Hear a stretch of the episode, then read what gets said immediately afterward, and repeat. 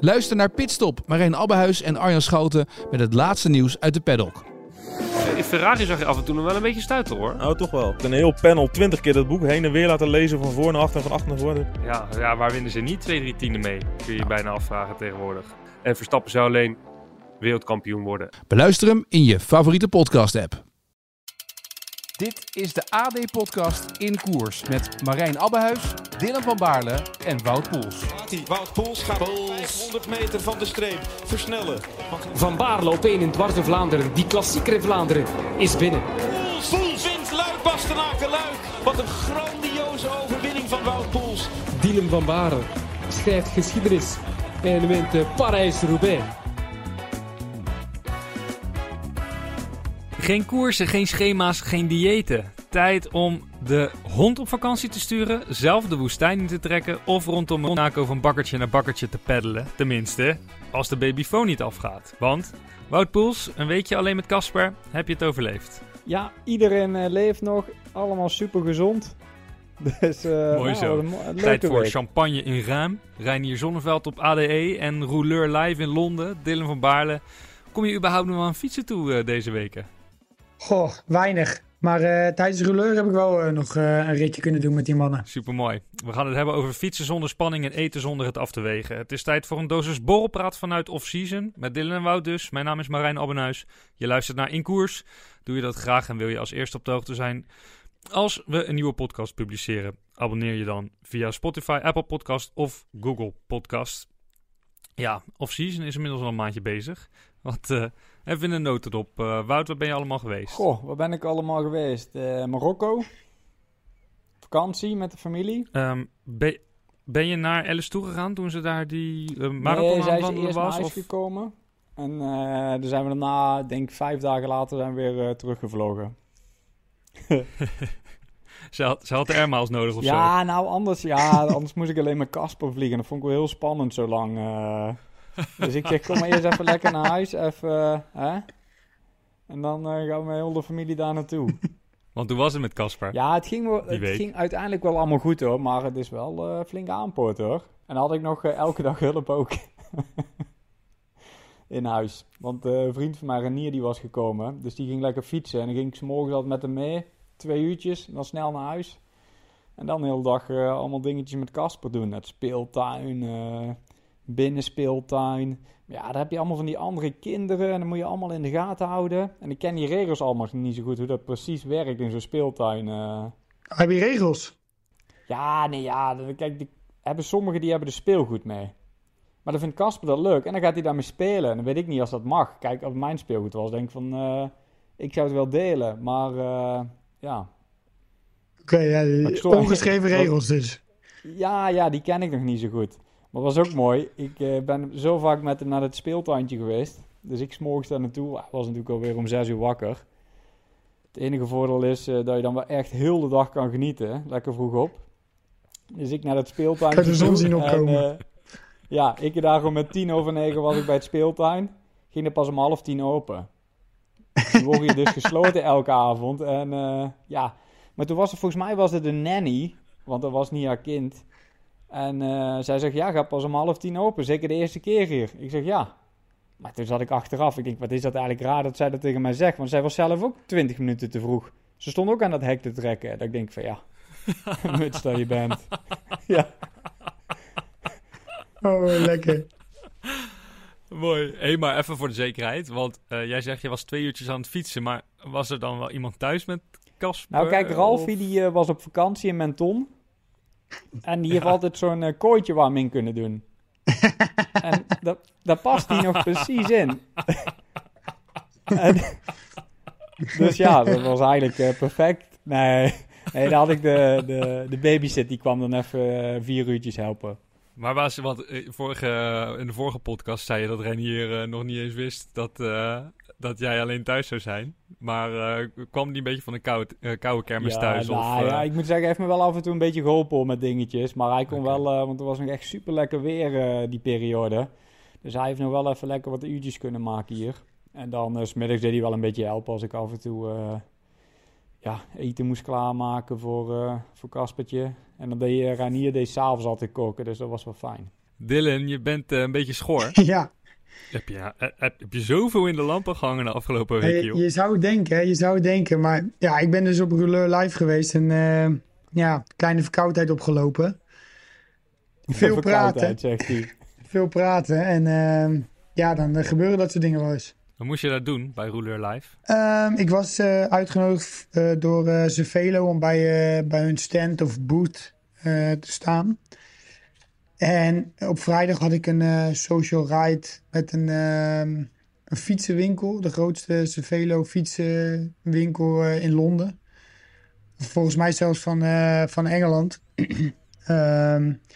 Dus daarmee heb ik in Richmond Park gefietst. Want in Londen fietsen is natuurlijk een drama. Ehm, dus ja, dat was wel, dat was wel leuk.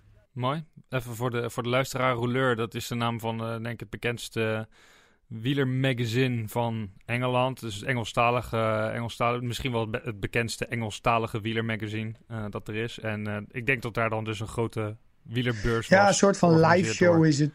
dus Ja, nou ja. ja, er staan allemaal van die stands van, van allerlei merken. Ehm, en dan zijn er twee podia waar dan renners of ja, bekendere mensen een praatje komen houden. En ja, daar was ik dan ook een van. Oké, leuk. En verder dus eh, afgelopen weken in Rijms geweest, op ADE geweest. Eh, wat heb je allemaal gedaan? Toen wel in de lampen gehangen. Ja, Maar het is niet zo lang aan blijven, blijven houden, die, die stem. Nee, ja, Rijms geweest. ehm, daar komt Paulien vandaan. Dus eh, we gingen met de auto naar Nederland. Ik vind het altijd fijn om dan ja, niet in één keer te hoeven rijden. Dus ehm en Rijms ligt ja, redelijk op de weg richting Nederland. Dus zijn we daar voor twee nachten gestopt. ehm, in een, eh, een of ander château geslapen. Het is natuurlijk echt een, Chateau eh, Meiland, toevallig. Château Meiland. Nee, geen Château Meiland. Château eh Graviers. Graviers. Oh ja. Ik weet niet. ik zal het misschien niet helemaal goed uitspreken, maar eh, net zoals Rijms. eh, wel, wel bekend bij de Nederlanders. Ehm, dus ja, een beetje ja, champagne geproefd daar, want dat is natuurlijk echt een champagne-streek.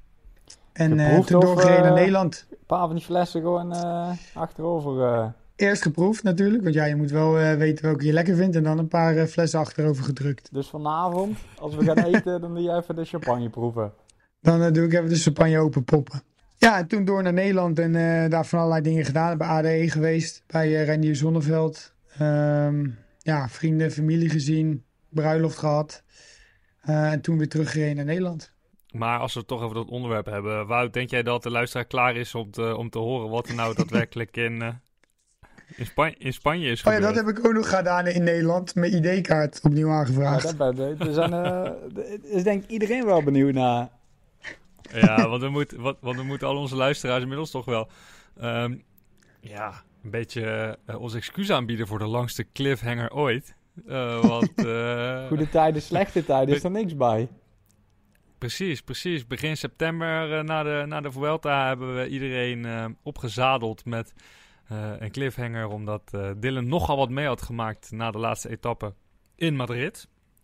Daar hebben we meer dan een hele podcast overheen laten gaan. En ja, we, we, we zijn er niet meer zo frequent als dat we in het seizoen er zijn. Dus ja, jij zegt Dylan, ik heb in Nederland een nieuwe ID-kaart aan moeten vragen. Want die was je kwijtgeraakt in Madrid. Dat was dus het eindresultaat van een avondje in Madrid. Precies. Vertel, hoe is dat gebeurd? Nou ja, ehm Paulien die, ehm, die kwam eh, s s'avonds naar, eh, naar de finish in, in Madrid toe. Ehm, die had s ochtends nog getraind en die had het vliegtuig gepakt om, eh, ja, om het succes te vieren met het team. Daarna zijn we met de hele ploeg eh, bij de Nederlandse ambassade geweest in Madrid. Daar hadden we wat gegeten en gedronken. Ehm, en het was ja, eigenlijk super gezellig. kleinschalig, maar het was top. En toen ging iedereen eigenlijk naar huis toe. En eh Pauline die keek me aan. En ja, ik keek haar aan. Ik dacht van ja, volgens mij zijn wij nog niet, eh, niet klaar natuurlijk.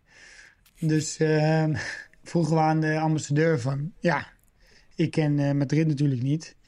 Waar kunnen we nog heen eh, op een zondagavond waar het, nog, eh, waar het nog gezellig kan zijn?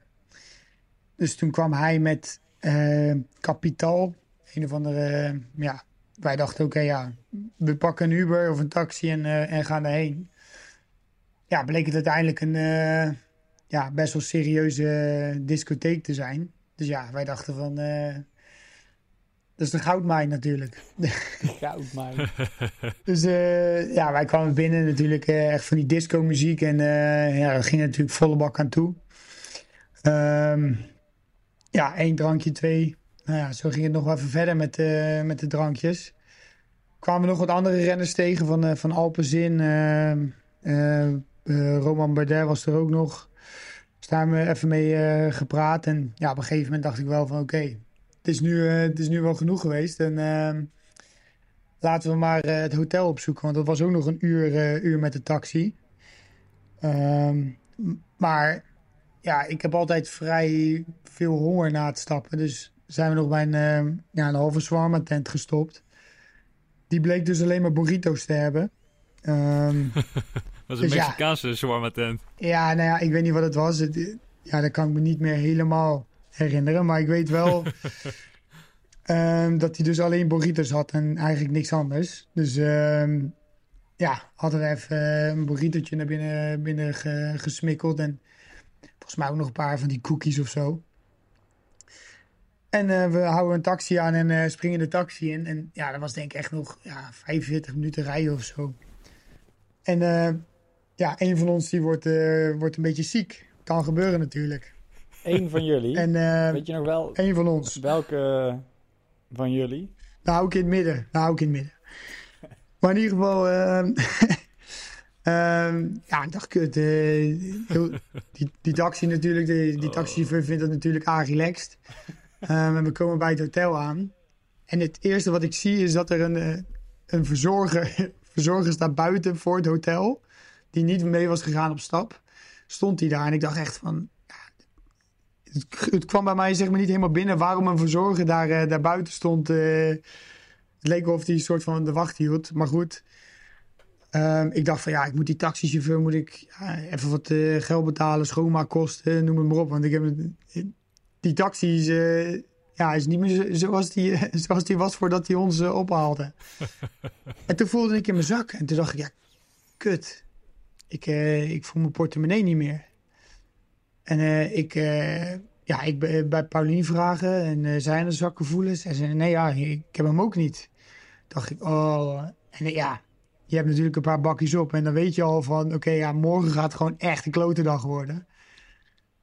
Dus die eh, ja, verzorger, die, eh, die had ons... eh, even, ik zei eerst tegen die taxichauffeur, ja, sorry, ik, eh, kan, kan je helaas niet verder helpen. Hadden jullie een Uber of een... eh, Ja, dat weet ik dus.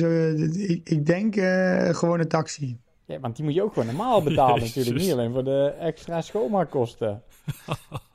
Nee, klopt, maar ik had geen Uber-afschrift. Dus ik ga ervan uit dat het ge- gewoon een taxi was. Maar zal die verzorger alles hebben betaald? Heb je nog een openstaande schuldje misschien? Heb ik, wel heb ik wel gevraagd, maar eh, nee. Die, eh, die heeft ons wel begeleid naar de kamer. Want ik kwam bij mijn kamerdeur aan en ik dacht van...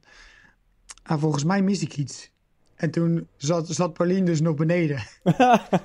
dus, de, dus die gast zegt, ja, eh, Paulien die zit nog, zit nog beneden. Dus ja, wij weer naar beneden toe en toen zat ze op een bankje. Nou, wij weer eh, naar boven naar de kamer. Maar ja, toen wist ik al van... Ja, morgen gaat echt kloten worden. Dus nou ja, wij slapen. En ehm, volgende ochtend ik word wakker. Ik zeg, ja, Paulien, volgens mij hebben we een probleem. Of tenminste, ik heb, ik heb een probleem. Zegt ze, ja, wat dan? En ik zeg, ja, ik eh, ben mijn portemonnee kwijt. Nee, dat kan niet. En eh, die zit hier en hier. Dus wij overal alle broeken, de, de zakken ge- gevoeld. Nou, natuurlijk nooit gevonden. En ik dacht echt van, ja, waar begin je dan, hè? Ik bedoel, ja, je zit ergens in, in, een, eh, in een afgelegen hotel. Je hebt smiddags een vlucht terug naar huis. Ik dacht, ja, ik moet hier gewoon nog eh, twee, drie dagen blijven voordat ik een noodpaspoort heb. Dus ik zeg tegen Pauline, oké, we gaan eerst even naar de bar, gaan we even wat eten.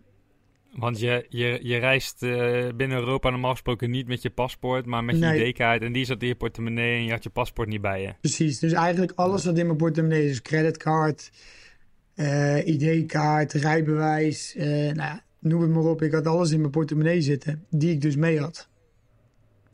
Maar ja, wij gingen even naar de bar, gingen even wat eten. En toen, ehm, ja, natuurlijk enorme koppijn en ik wist niet eh, waar ik moest beginnen. En toen kwam er ineens een man naar me toe. En ik dacht, ja, heb je dan even op dat moment natuurlijk helemaal geen zin in. Je hebt net drie weken de Vuelta gereden. Je hebt een kop alsof je ja, twee eh wodkaflessen op hebt gedronken. En eh, ik dacht, ah, daar, gaat het hoor. En toen begon hij eh, begon die al het Nederlands tegen me te praten. Ik dacht, ja, oké, ja, het kan in Madrid.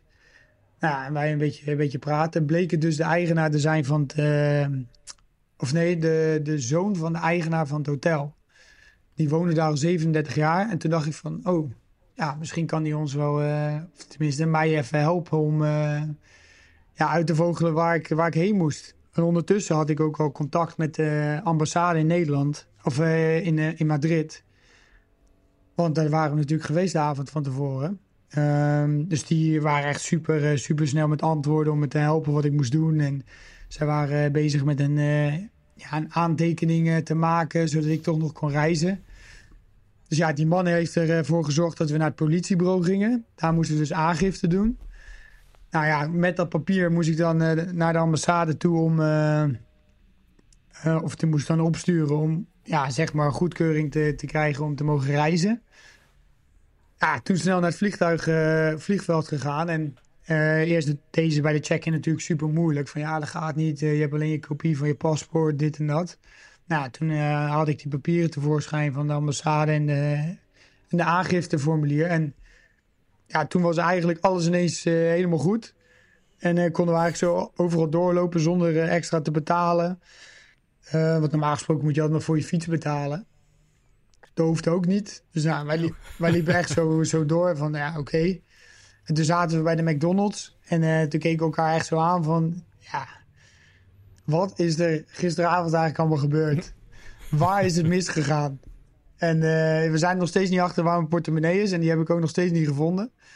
Dus ja, moest ik eh, toen ik in Nederland was... eh, ja, een nieuwe ID-kaart aanvragen. Want dat is altijd wel makkelijk om te hebben. Maar ja, dat was wel een, eh, wel een avondje. Ik had me de ochtend in Madrid na de Vuelta wel iets anders voorgesteld dan op een politiebureau ergens buiten Madrid.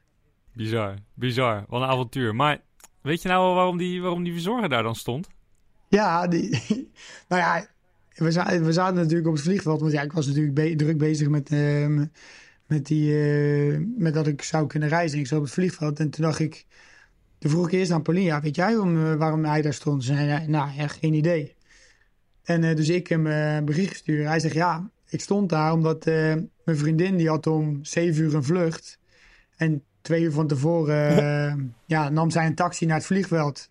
En hij stond daar toevallig nog buiten toen wij aankwamen.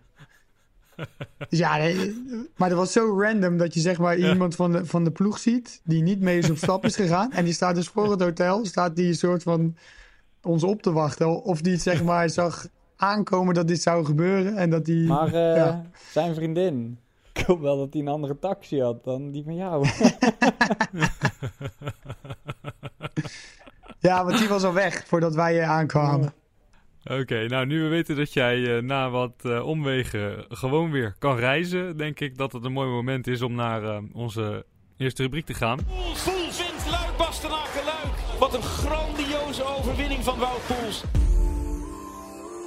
Where is Wout? ja, ik ben lekker thuis hier in, eh, in Monaco.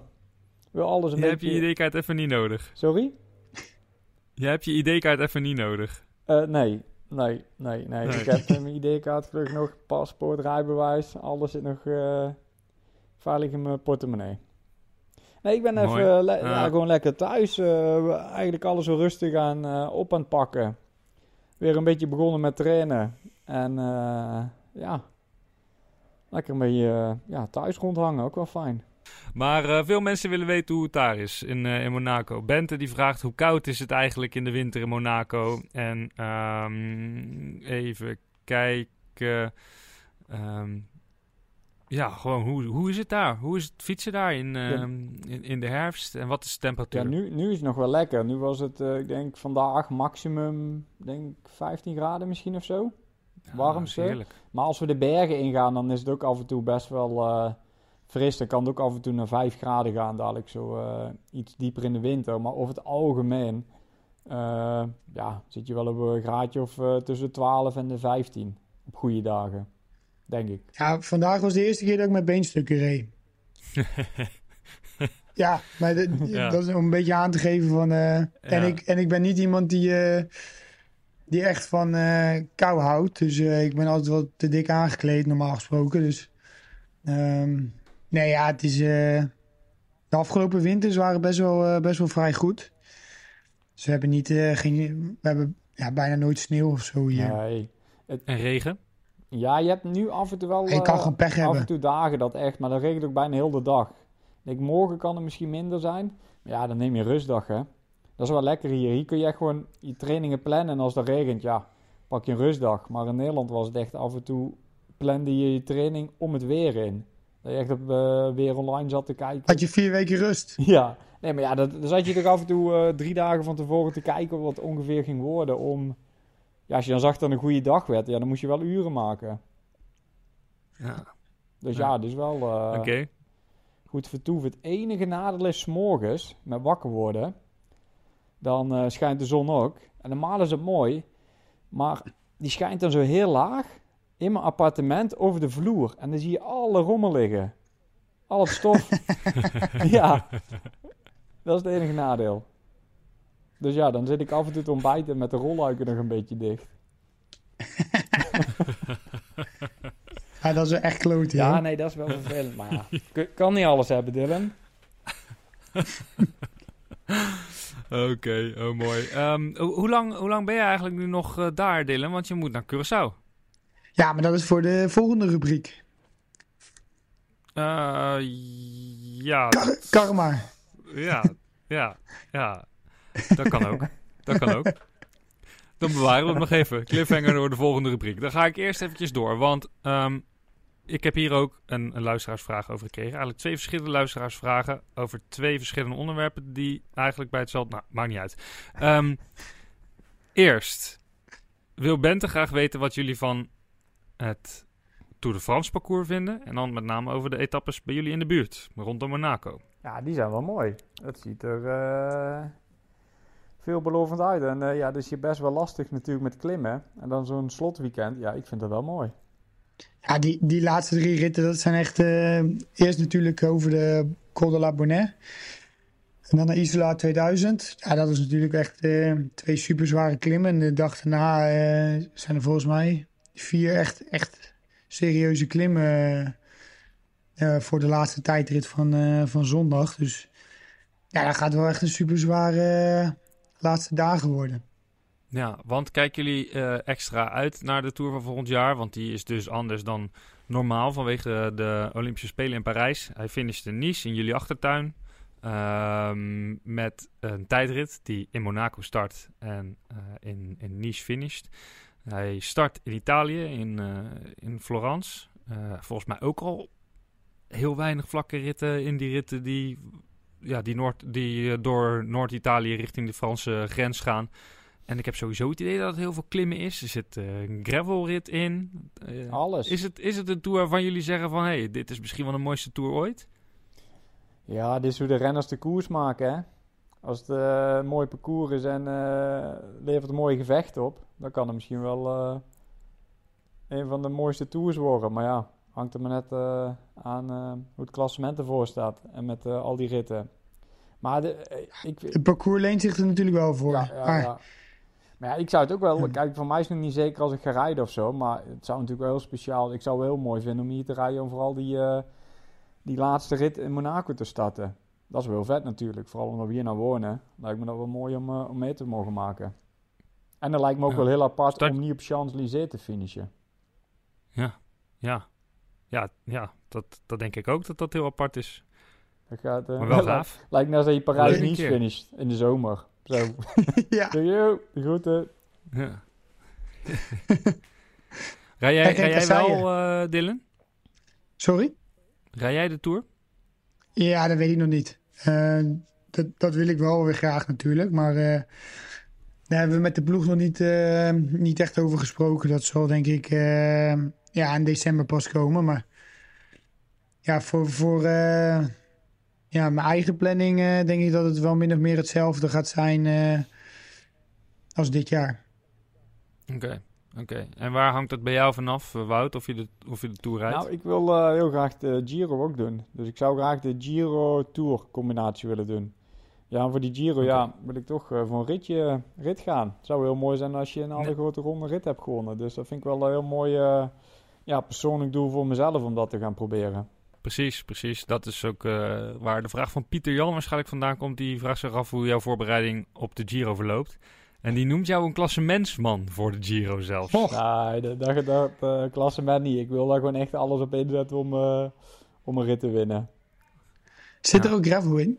Ja, dat zit erin, ja. In, eh, in, de, Ja? in de Giro en in de Tour. Ja, ja, dat is niet te geloven. Gravel specialisten komen dan naar boven, hè? Ja, ja ik, ik heb wel eens goed in... ik heb wel eens een keertje top 10 in Strade Bianchi gereden. Kijk. Toen bij Quickstep reed. Ik heb er één Ja. keer gereden en toen zei ik, hier ga ik niet meer naar teru- eh, terug naartoe. ik denk, soms moet je op je hoogtepunt moet je zeggen van... Ja, genoeg is genoeg. Ja, maar nu moet je er toch terug naartoe, want die etappe gaat ook echt, eh, is ook echt bij Siena Ja. eh, over een paar stroken van de Strade Bianchi. Ja, dus misschien moet ik de Strade wel in mijn planning opnemen. Het zou niet verkeerd zijn om Ja. even, voor even een keertje overheen te hobbelen. Hey, ehm, met al die, met al die gravel-ritten in de Tour en in de Giro. ehm, misschien ook wel eh, goed om de vraag van Bas Poort te stellen. Ehm, waarom komen er zoveel toppers, grote talenten, uit de BMX en het fietscross? Vanuit de BMX komt er toch bijna niemand over. Til- Ah, dat is meer, meer voor de baan. Ja, maar dat is meer voor de baan. Dat komt denk ik eh, omdat uh, fietscross natuurlijk super explosieve eh, sport is. En de, baan, eh, de baansprint is natuurlijk ook super explosief. Dus ja, je ziet het niet heel veel voorkomen dat de ja, BMX is overstappen naar de weg. Ehm, vele grotere wielen. daar ben ik dan... Ja. En daar ben ik natuurlijk misschien een uitzondering op. Maar tot hoe lang heb jij dan ge-BMX'd? Want ik hoor jou er nooit over. Mijn e-mailadres was eh, Dylan BMX 333. Gebruik die trouwens niet meer hoor. Maar... Oké. Nee, maar hoe, lang dat, hoe, Ehm. hoe oud was je dan? Toen je stopte? Ja, ik denk 11, 11 of Ah, zo. Oké. Dus eh, ja, die techniek ben ik wel redelijk verleerd. Ik, ben- ik heb nog wel een paar keer, eh, twee keer of zo meegedaan met een training in Zoetermeer. Ehm, maar echt die, ja, die handeling op die eh, BMX-fiets, dat is echt eh, helemaal Ik weg. moet zeggen, het gaat wel snel, dat BMX. Zo van dat, dat startpodium is volgens mij echt stijl, toch? Dat zie je op tv niet zo Ja, goed. ja, dat is echt snel. Ja, dit- maar dat hebben ze tegenwoordig, eh, ja, dat heb ik nooit meegemaakt, maar dat is echt, Nog steiler. die hebben ze nog hoger gemaakt. En ja, dan gaan ze echt met een vaart, komen ze daar vanaf. En, en het is ook maar 30 seconden of zo, hè. Best wel veel crossers zijn natuurlijk gewoon goed geworden wel. Ja, een aantal. Nee, klopt. Valt het wel mee.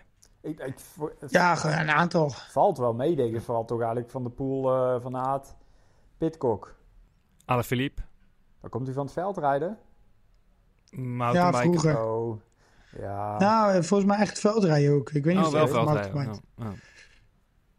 Nou ja, natuurlijk, je, je hebt wel eh, een aantal talenten die, eh, die de Stibar. overslag maken naar de weg. Stiba, ja, trouwens, ja. Ja. ja. die, eh, hey, die heeft gewoon geen ploeg, hè? Die, die is ermee gestopt. Ja, ook wel bizar. Ben je met de stille trom Ja. vertrokken. Ik vond dat altijd een aardige vent. Ja. Daarover gesproken, eh Stibar en geen ploeg. Guido Albers vraagt, en ik weet niet of ik zelf iets gemist heb, maar ik ga, het- ga het je maar gewoon op de man afvragen. Wout, of jij bent benaderd door Quickstep om de meesterknecht van Remco te worden? Nee, daar ben ik eh, niet op benaderd. Maar ik, Nee? heb, nee, nee, ja, ik heb ook nog een contract eh, volgend jaar. Ehm, ik gooi er gelijk nog even een, een luisteraarsvraag eh, doorheen, want dit gaat een beetje over de- deze fase. Nu je, je kan dragen wat je wil eh, in de trainingen. En Thijs van Leeuwen, eh, die vraagt zich af, aan jou, eh, die vraagt aan jou Dylan, of de rode helm een fashion statement is. Is het? ja? V- eh, vinden ze dat? Ik ga eens even een foto Ik Nou ja, vind op zich wel... eh, ik vind op zich wel eh, wat hebben. Ik heb dus twee helmen. Dus een, een rode en een zwarte met wat rood-wit-blauwe eh, ja, stickers erop, zeg maar. En eigenlijk na de Vuelta heb ik die rode helm eh, ja, heel lief gevraagd aan de buschauffeur of ik die mee mocht nemen. En ehm, ja, op zich voor, voor de trainer vind ik het niet... eh, je wel goed. ziet er op zich best wel prima uit. Ja. Zeker, past goed bij, eh, bij je rode schouders. Oké, laten we dan naar de rubriek Karremaar gaan.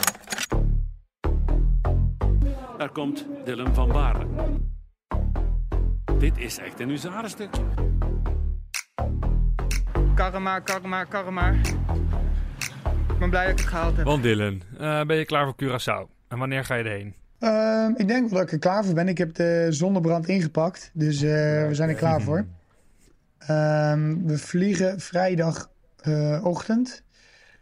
Ehm, dus ik wou nog aan Wout vragen of hij eh, tijd heeft om ons weg te brengen. Onze vlucht is om half zeven ochtends. Altijd. Dus we gaan hier eh, half vijf weg. Ik breng, als jij om half vijf uh, sta je klaar voor jou.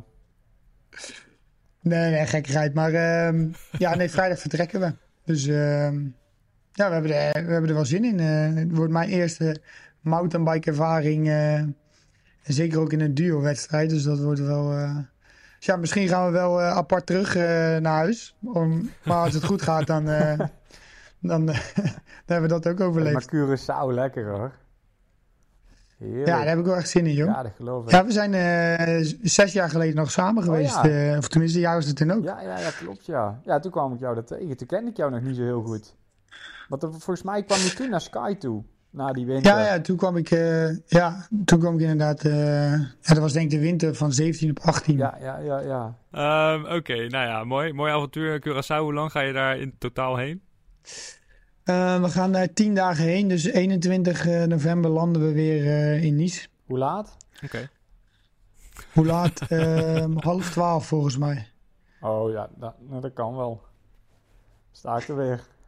Ja, het, klinkt alsof jij, alsof jij niet echt plannen hebt om van die bank af te komen. of, of, of Monaco nou, uit te gaan. Over een bank gesproken, ik heb dus een nieuwe bank gekocht. Of wij ah, hebben een tijd een nieuwe bank Ah. gekocht. Ja, daar kijk ik ook wel naar uit, hè. Oké, okay, maar wat, ja. wat, ga je, wat ga je doen oh, de komende uh, tijd? Even, ja, we, ja, eigenlijk gewoon lekker een beetje trainen. Ik heb nog een wielercafé in Blitterswijk. Oh, ja. de 16 november. Is helaas al uitverkocht. Ja, dus reclame maken heeft niet zo heel veel nee, zin. Ik heb er veel niet, zin in. Ja, niet dat, dat ik iedereen in Blitterswijk staat, want dan kan het dorpje ook niet helemaal aan. Eerste keer, ja. Volgend jaar een grotere tent afhuren, Wout. Ja, ik denk dat we volgend jaar uh, theater of zo met z'n drietjes in moeten. Zo één keer zo ergens. Ja. live podcast of zoiets. Moeten we zeggen. Gewoon in de jaarbeurs of zo. Ja, nou ja, klein beginnen toch? Of in de Kuip. Gewoon klein beginnen. De Kuip de vind jij Kuip. toch leuk, Dylan? ja, Ja. doe het in de Kuip. Maar, eh, dus ja, nee, eh, dus ik, ik ben eh, ja, even, nog een, even dan naar Nederland. En dan, ja, gewoon even lekker eh, hier gewoon alles oppakken. trainen, ja. Oké, nou, ehm, jullie voorbereiding is in volle gang. Zijn er nog gekke, bijzondere dingen in jullie voorbereiding in de komende tijd? Is er iets Wij anders opzichte team- van vorig jaar? We hebben onze teamdagen eh, eind november. Dat gaan ze doen in de Efteling. Leuk. Ehm, waar dromen en waar eh, In het worden gemaakt. Dus, Sprookjesbos. In het Sprookjesbos inderdaad. Dus ja, dat is op zich ook wel leuk. Ehm, en voor de rest geen eh, gekke vermeldingen eigenlijk. Oké. Ik zal wat jij? foto's sturen van Curaçao. Ah ja, dat is een goeie. Ja. Ja. en jullie team gaat natuurlijk anders heten. Je krijgt andere kleren waarschijnlijk, andere kleuren. Ja, nou de kleuren blijven wel hetzelfde voor mij. Ja, voor jou wel. Ja. Hij heeft wel wat beide handjes gegeten eh, vandaag. voor jou wel. Nog een half jaar. Nou ja, of, of nog anderhalf jaar. Ja. ja, ja, Of nog langer. Ja. Zou zo maar kunnen. Nee, eh, ja, de, de, het schijnt wel dat het hetzelfde blijft. eh, zeg maar geel en zwart. Ehm, maar wat, wat het precies gaat worden, dat, eh, dat weet ik nog niet. Oké jongens, wij eh, hebben weer even bijgepraat Oh nee, over nog jullie even nog iets anders. Of- Sorry. Oh. Ja, doe dat verhaaltje zomaar weer. Duimpje omhoog om te volgen, hè. Mensen moeten ook nog op ons stemmen. Of eigenlijk liefst op mij. Want eh, Dylan en ik, we zijn Ja, genomineerd, bij hè. Voor eh Is dat zo? Wielrenner van het jaar. Hey. Wielrenner van het jaar. Oké, jullie zijn allebei genomineerd als wielrenner van het jaar. Lijkt me meer dan terecht. Ja. Ehm, en waar kun, je, eh, waar kun je stemmen dan? Ja, Dat is een dat is goeie. een goeie. Waar kun je eigenlijk stemmen? Waarschijnlijk op eh wielerflits of eh, ja, ik geen idee. Ik denk wel op Wielerflits, Is- ja. Moeten we hem even in de, sh- Oh ja, in de show, show Wie- notes is gooien. het- Hebben we die? Show notes? Hoor ik altijd in die andere podcast. Eh, eh, nee, we hebben een Instagram-account. Oh ja. Eh, apenstaartje in koers podcast. Ehm, even kijken. Club 48. Ja. Eh, de wielenprijzen. maar Even kijken. En, ehm, ja, je kunt inderdaad op Wielenflits kun je... Maar kun Marijn je gaat dat linkje wel even doorsturen. Ja. Maar misschien is het wel gewoon een Op jury. hè? wie, op, op wie moet ik dan nu stemmen? Ja. Op Dylan of op Wout? eerst op mij en dan doe je even eh, de naam Dylan. An, an, ander e-mailadres en dan... eh, Dan doet je vriendin op is Dylan. goed. Ik laat mijn vriendin dan wel eventjes op, eh, op Wout stemmen. Ik, heb hem, Ja, ik, ik stem nu op, eh, op Dylan. Op Dylan en op Ik Demi weet wel hoe Vollering. hier een beetje de verhoudingen liggen tussen jullie twee, hè? Maar ja, ik moet eerlijk Ehm. bekennen, ik denk dat het een hele moeilijke strijd gaat worden. Ik denk dat, eh, dat het moeilijk is om eh Mathieu te verslaan natuurlijk. Ja, ja. Natuurlijk. ja die verdient Natuurlijk, wel, hè? natuurlijk. Oké jongens, eh, we hebben weer even bijgepraat over jullie off-season, over jullie plannen voor de komende eh, maanden. Ehm, dat gaan we ook nog uitgebreider doen. We gaan zeker een oudejaarspodcast opnemen. We hebben inmiddels met Potlood het plan dat ik na de kerst eh, naar jullie toe kom in Monaco. En dat we dat met z'n drieën aan één tafel gaan doen. Uitgebreid terugblik op volgend, voor eh, afgelopen jaar. Dus als je daar een vraag over hebt gesteld, dan is dat de reden waarom die nog niet aan bod is gekomen. Dan gaan we dat soort vragen over ja, hoe mooi ze het afgelopen jaar eigenlijk wel niet hebben gevonden. En wat hun hoogtepunten waren. En hoe ze die hebben beleefd. Gaan we dan allemaal nog een keertje goed eh, langslopen aan het eind van het eerste jaar van eh, de podcast in koers. Ehm, het zou ook kunnen dat er in de tussentijd misschien wel nog een podcast komt. Als dat zo is, dan kun je daar snel van op de hoogte zijn als je ons volgt op Instagram. Apenstaatje in koers podcast. Of als je je abonneert eh, via Spotify, Apple Podcast of Google Podcast. Doe dat dus vooral. Ehm, bedankt voor het luisteren. En eh Dylan en Wout, bedankt voor het opnemen. Ja, graag gedaan. Graag gedaan. Oké. Tot de volgende. Volgende keer hier Au revoir. in eh, Monaco.